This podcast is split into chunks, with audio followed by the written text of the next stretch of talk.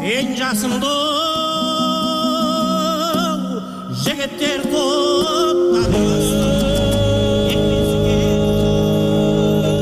арқалы таудың шыңындай алқалы топтың туындай болған жыршы жыраулар жайлы білгіңіз келсе қошан мұстафаұлының інжу маржан хабарын тыңдаңыздар.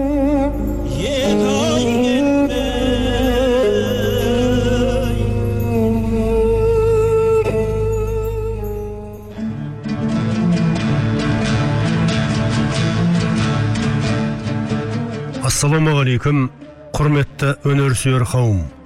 Әуе толқынында інжу маржан. Батыр баян аталатын хабарымыздың үшінші бөлімін тыңдауға шақырамыз. Қазыбек қаз дауысты ер жәнібек бөгенбай қанжығалы қоңырат мәмек уақтан сарыбаян қыпшақ шорман арғыннан жолай палуан найман төлек. Осы айтқан орта жүздің жақсылары ханының алдына кеп сонда бәрі. Еліне қайтпағына рұқсат алды. Ұзамай қосын жинап келтіргелі. Қыпшақпен сол уақытта қоңырат елі сарысу сарқұдыққа жақын еді.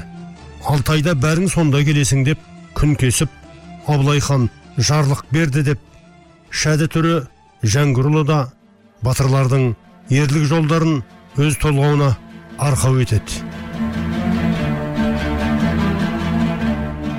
Қазақ батырларына келгенде кейбір батырларымызды шатастырып жататында жағдайлар болады.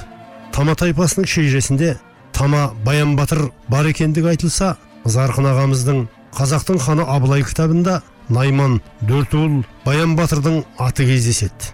Осы мәселе толғандырған физика математика ғылымдарының докторы профессор есмұхамбет сейдахметұлы смайылов қазақтың баян батыр мақаласында уақ баян батырды басқалардан ажырату үшін сары баян деп атау өмірлік қажеттіліктен туған сияқты деп жазады. Сонымен қатар мынандай деректер де келтіреді. Қытай патшасының өкілі 1758 жылдың ақпан айында абылайдың өз аузынан айтқаны бойынша жазып алған дерек. Қытай мұрағатынан алынып белгілі ғалым журналист зарқын тайшыбайдың қазақтың ханы абылай атты екі томдық кітабында абылайға байланысты құжаттардың тізімінде жарияланған. Онда абылай орта жүзде тарақты арғын найман керей уақ төлеңгіт қыпшақ қатарлы жеті тайпа бар дейді дейді. Уақ тайпасының мың отбасы сарыбаянның билігінде. Уақ тайпасының бармақ батыры 500 отбасын басқарады. Уақ тайпасының мың отбасы тілеу батырдың билігінде. Ергенекті уақ руының мың отбасы есенқұл батырдың билігінде. Жаңа уақтың 500 отбасы сары батырдың билігінде. Арғын майлы балтар руының мың отбасы итқара батырдың қарауында деген сияқты бүкіл орта жүз бойынша мәліметтер беріп жазғызған. Абылай бабамыздың атаған ру тайпалардың жалпы саны 35 осы келтірген тарихи мәліметтер бойынша сары мен сары баян екі бөлек кісілер және екеуі де уақтың батырлары. Зарқын ағамыз 2014 жылы шыққан баян батыр кітабындағы баян батыр туралы жазба деректер деген мақаласында баян батыр сары өңді кісі болған деп жазады. Енді осы кітапқа кірген мақаласында бұл пікір кеңейтіліп толықтырып жазылған. Бұл тұжырымды біз де қолдаймыз. Себебі баян батырдың алтыншы ұрпағы зейнолла олжабаев сол сияқты бабамыздың тағы бір ұрпағы академик оразгелді баймұратов аталарымыз бидай өңді сары кісілер. Астанадағы білім және ғылым министрлігінің ғылым комитетінде мира тұрсынбаева деген қарындасымыз жұмыс істейді. Баян батырдың құлтөрек деген баласынан тараған ұрпақ. Осы бала үйректің үш күндік балапаны сияқты сары шашты сары өңді бойжеткен деп жазады. Құрметті тыңдаушы хабар жасаудың өз қиындығымен қатар қызығы да баршылық. Баян батырдың жан жақтағы туыстарын іздеудемін.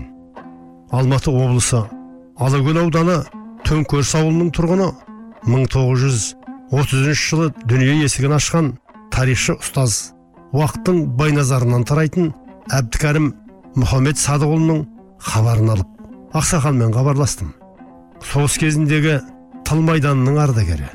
Сталиннің бейнесі бар жанқиярлық еңбегі үшін медалімен марапатталған. Еңбектері ескеріліп еңбек ардагері орденін кеудесіне таққан. Бүгінде алакөл ауданының құрметті азаматы бабасы батырбаян туралы сұрағанымда тарихты қозғап төрт аяғын тең басқан жорғадай көсіле жөнелді. Қазақтың қас батыры баян батыр. 1714 жылы қазіргі солтүстік қазақстан облысы бұлаев ауданының аралағаш деген жерінде дүниеге келген әкесі қасаболат зергер ұста болған ал анасы кіші жүздегі сырым батырдың атасы дат чоланұлының қарындасы аты ажар болашақ батыр баянның батыр болып қалыптасуына жаугершілік заман аталас ағасы сары менен әкесі қасаболаттың інісі абыл батырлардың көп әсері болды баян батыр ағасы сарының атының шылбырын тақымына басып қатарласып жүріп соғысады екен баян батыр абылай хан мойындағандай ақылды кемеңгер және өнерпаз сері болған екен сыбызғыда қорқыттың ақсақ құлан жошыққан бозінген суға кетті ерқотан жеті қыз саймақтың сары өзені тағы басқа күйлерін майын тамызып орындаған екен баян батыр бейбіт күндерде де керей уақтың ел ағасы болған тарихта шаңжорық деп аталған 1771 жылғы қалмақтың елдің арғы бетінен қазақ жерінің үстіменен қырғын соғыс салып ежелгі ата мекеніне жоңғар жеріне өтіп келе жатқан жангешті жорығы балқаш көлінің тұсында мойынты өзенінің бойында өткен таң ата қуа шыққан қазақ қолы қалмақтарды сол кездегі қытай шекарасына дейін тынымсыз шауып тоздырып қырып жоя береді. Сонда жоңғар шебіне өліп өшіп жеткен қалмақтың саны жорықтың басындағы алғашқы жүз жетпіс жүз сексен мыңның оннан бірі ғана еді. Мұхаммед аға өте жақсы деректер айтып отырсыз. Негізі біздің хабарымыздың басты кейіпкері батыр баян екені белгілі. Десек те сол бір кезеңдегі батыр баянның жанында болған замандастары туралы да айтып өткеніңіз ләзім. Сол сұрапыл заманның жаршылары жыраулар екендігін де есте сақтағанымыз жөн сияқты. Олар болмаса бізге көптеген деректер жетпес еді сабақты ине сәтімен демекші мен батыр баян бабамызға хабар жасау барысында анашетіп павлодар петропавл алматыдан тартып талдықорғанға ат басын тіреп өзіңізбен сөйлесіп отырмын. Уақыттың байназарынан тарайтыныңызды айттым. Баян батырдың арқасында қазақстанның ана шеті мен мына шетіндегі ақсақалдармен танысудың сәті түсті. Павлодардағы тікелей ұрпағы шоға тайпасынан тарайтын зейнолла ақсақалмен қатынасыңыз бар ма? Негізі баян батырдың туған қайтқан жылы туралы әртүрлі деректер бар екен. Шежіре жағынан аздап айтып берсеңіз. Баян батырдың қайтыс болған жылы 1772 жыл баян батыр абылайдың замандастар ұрпақтары ер атасының 1710 жыл мен 75-76 жылдар арасында өмір сүргенін қалмақтармен ұрыста қаза болғанын аңыз қып айтып отырады баянның абылай ханның сүйікті батыры болғаны да рас зейнолда ақсақал баян батырдың алтыншы ұрпағы кездесіп көрісіп тұрамыз телефон арқылы сөйлесіп тұрамыз ол кісі 1929 жыл туған. Ал мен 1930 жылғымын. Шоға баянның жетінші атасы. Шоғада байыс байыстан қырғызәлі. Қырғызәліде мүлкіс. Мүлкістен қарабас. Қарабастан есқара. Есқарадан қасаболат. Абылай алтыбай атты үш бала. Қасаболаттың үлкен баласы баян. Кіші ұлы жарбол. Баяннан бұлан. Бұланнан манабай. Мұсабай манабайдан басшығұл басшығұл 1842 жыл туған. Басшығұлдың құлжабай жанабай олжабай дейтін үш баласы болады. Олжабай тұрут армияда болған. Жанабай менен құлжабай соғыс жылдары қайтыс болады. Ал олжабай бұдан 10 жыл бұрын дүние салды. Олжабайдан зейнолла қазір есен сау жүріп жатыр. Құлжабайдың баласы шери 90 жылы қайтыс болды.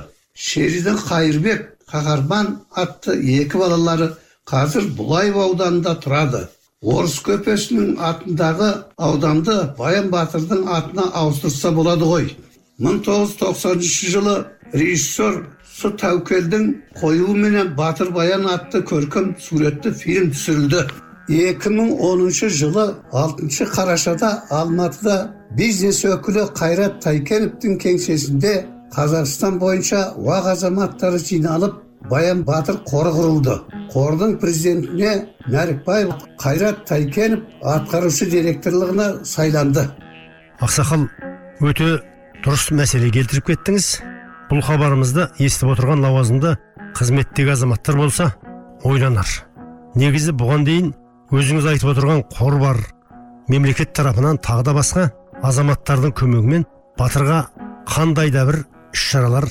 жасалды айта кетер бір жайт павлодар облысы жаңа әкімі болып қанат бозымбаев тағайындалды мақсұт нәрікбаев ауысадық әубеков және болат мұсылманбеков мырзалардың араласуыменен облыс әкімі мемлекетшіл азамат қанат бозымбаев қала әкімі бақауов қолдап жаңадан сарыарқа қонақ үйінің алдына жақсы кең жер бөлініп 2014 жылы 12 шілдеде павлодар қаласында баян батырға үлкен аумақты ескерткіш орнатылды ескерткішті орнатқаннан кейін қытайдағы моңғолиядағы ресейдегі өзіміздің қазақстандағы уақыттардың барлығы жиналып мәшһүр жүсіп көпейұлының атындағы мешітте ас берілді үш күндей ауызашар жасалынды ол бәрекелді сол кездегі облыс әкімі қанат бозымбаев қала әкімі бақауов бауырларымызға осыған атсалысқан азаматтарға алланың нұры жаусын. Марқұм мақсұт нәрікбаев ағамыз біраз тірліктер бітіріп кеткен екен жаны жәннатта болғай.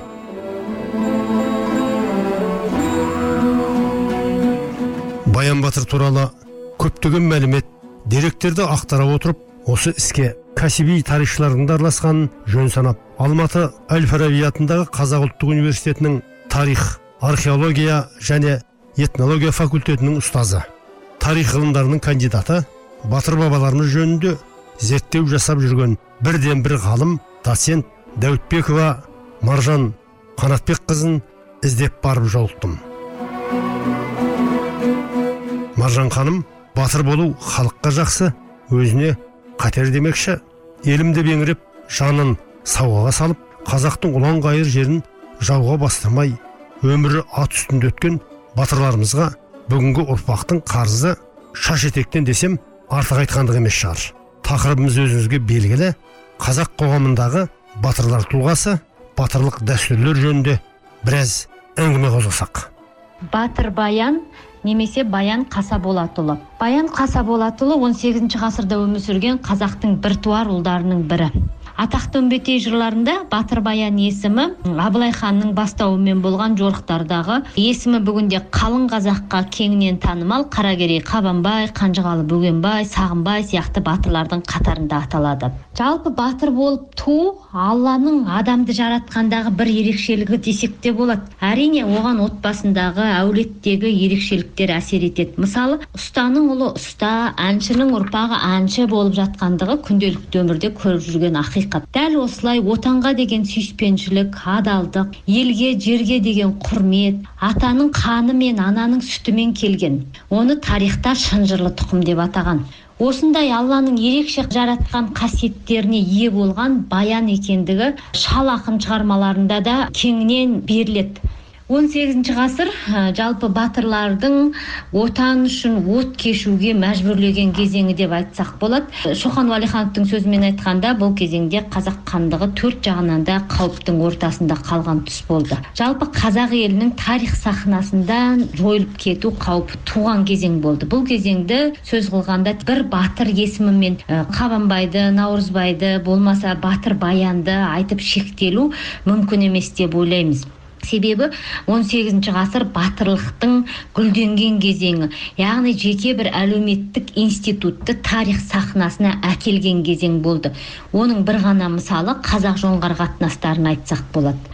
Осы кезеңдегі батырлықты сипаттай келе белгілі танымал зерттеуші қалиолла ахметжанов батырлардың тұлғалық қасиеттеріне былайша анықтама береді. Батырлар үшін соғыс ісі кәсіпке айналған олардың бар өмірі аттың үстінде өтеді.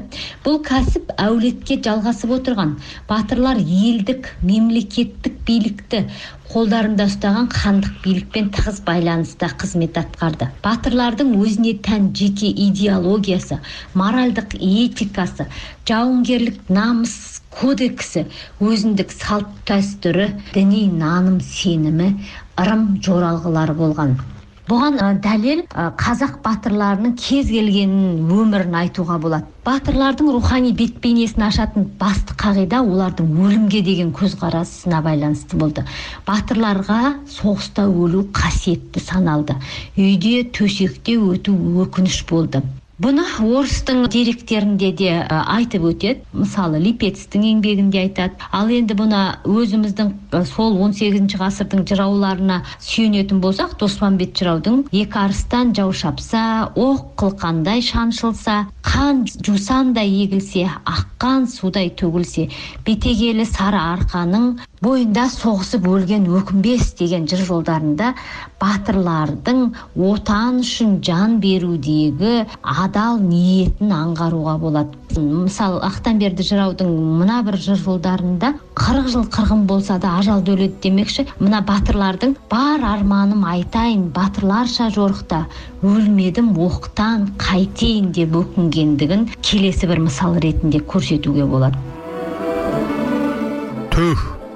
Әруағынан айналайын батыр бабаларым ай бұдан артық жанкештілік бұдан артық отаны сүю бұдан артық елге жерге деген құрмет бола қояр ма екен мынаны естіген кез келген түйсігі бар адамның көзіне жас іркілмей қоймас жалпы батырлық бұл 18 ғасырдағы ерекше бір әлеуметтік институт ретінде қарастырылуды қажет ететін ерекше институт. Бұл жерде ә, бұндай адалдыққа отанға деген сүйіспеншілікке ә, тіпті олар туыстық қатынасты да бұдан төмен қойды. Ел үшін ә, жеке бас мүддесін жоғары қою батыр үшін ешқандай тән дүние емес еді. Мәселен өзіміз қарастырып отырған батыр баян мағжан жұмабайұлының батыр баян дастанындағы баян батырдың қалмақ қызымен жат елге қашып бара жатқан ноян інісі туралы айтылады иә. Осы ноян інісін баян батыр атып өлтіруді бұл ар намысты батырлықты жауынгерлік дәстүрді туыстықтан жоғарғы қойғанын тағы бір дәлелдейтін мысал ретінде айтуымызға болады. Жалпы бұндай мысалдарды өте көптеп келтіруге болады. Бүгінгі таңда оны зерттеу дәріптеу өз деңгейінде жас ұрпақты патриоттық сезімге тәрбиелеуде ерекше роль алатындығын айтқымыз келеді.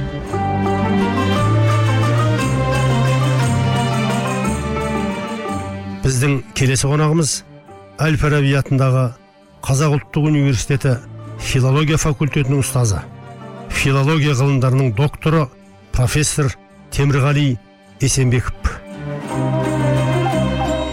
темірғали аға сіздің әріптестеріңіз тарихшыларымыз бар. Мағжан ақынның батыр баян поэмасын тілге тиек еткен кезде ұлттық құндылықтарына тәрбиелік мәннің зор екендігін толғана айтады.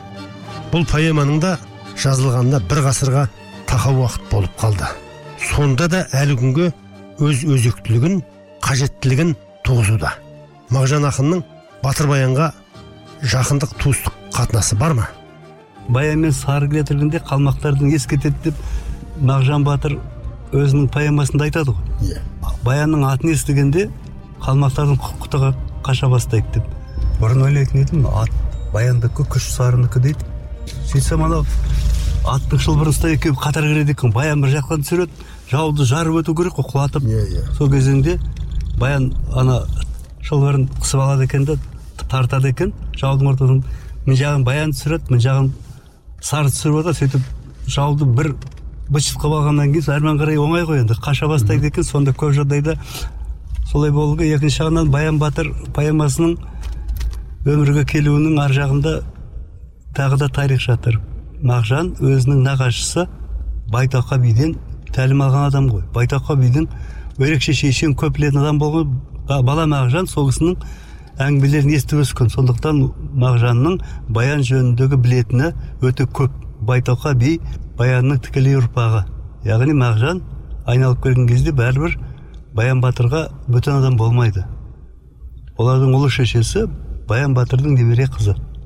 Оның баласы байтоқа би мен мағжан екеуі өте жақсы болған. Сол кісінің әңгімесін тыңдаған. Сондықтан бұл баян батыр поэмасындағы көптеген тарихи деректер сол байтоқа биден алынған болу керек солай санау керек. Бірақ енді ол көркемдік неге байланысты заманға байланысты жағдайға байланысты сол кезеңдегі мына халықтың рухын көтеру керек халықтың үлкен тарих болғанын жиырмасыншы ғасырдың бәрі астан кесен кезеңде айту керек болды да мағжан баян батырды солай жазды. Себебі ел қорғайтын елге басқаша қарайтын бір үлкен рухтың иесі болу керек болғаннан кейін осы поэманы жазып отыр. Бұның жеке басындағы әңгіме бар тарихи әңгіме бар. Сондықтан осының бәрін астастырып келіп барып баян батырдың э, мазмұнына солай қарау керек. Оның мағыналық қабаттары өте көп.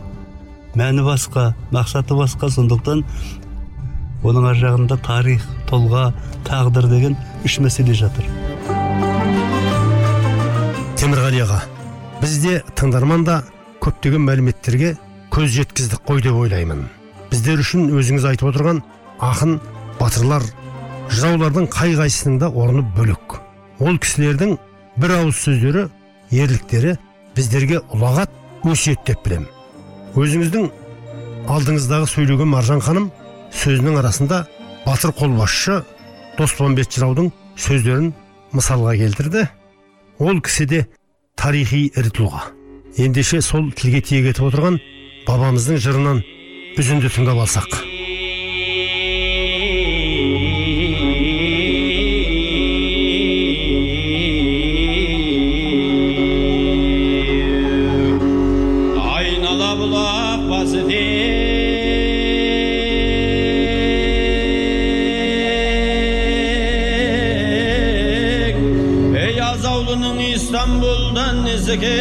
Azavlının aymadı der Dospanbet ağanın kanunundan nesi жоқ nesi kep Tanrı'nın özü bir gün gününde kanunundan menin de artık edi nesi be Ey azavlıda hağa болған ерлер көбеді әйтсе дағы алмаға ат байлағаны жоқ едің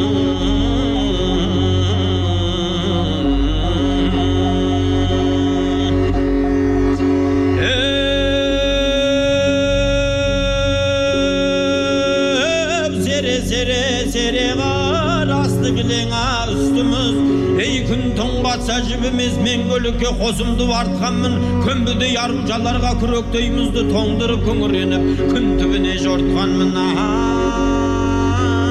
ей дүниенің басы сайран түп ойран озар сойды бұ дүния азаулының айма детер доспанбет ағадан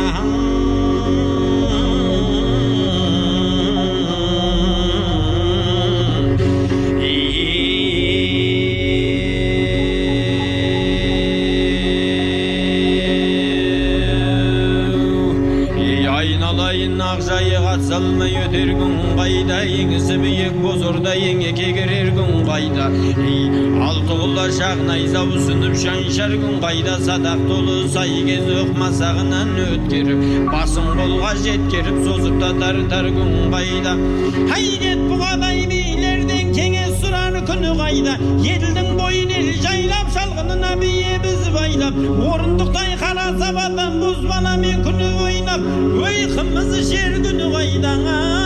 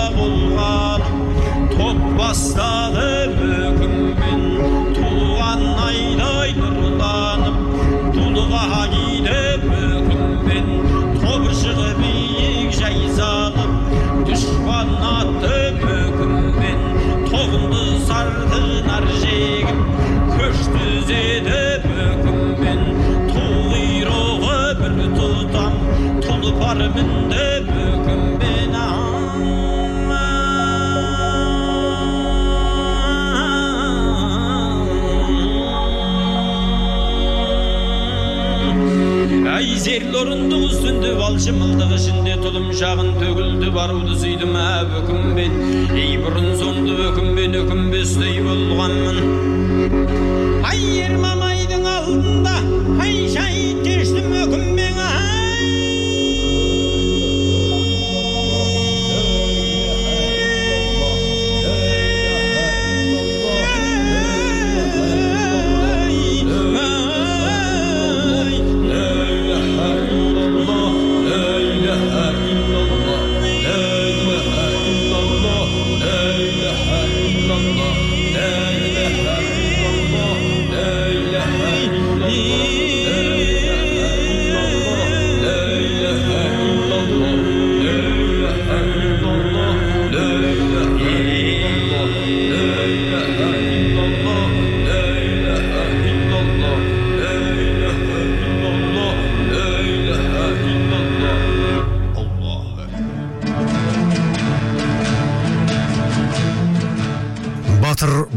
аталатын хабарымыздың үшінші бөлімі осымен тәмам.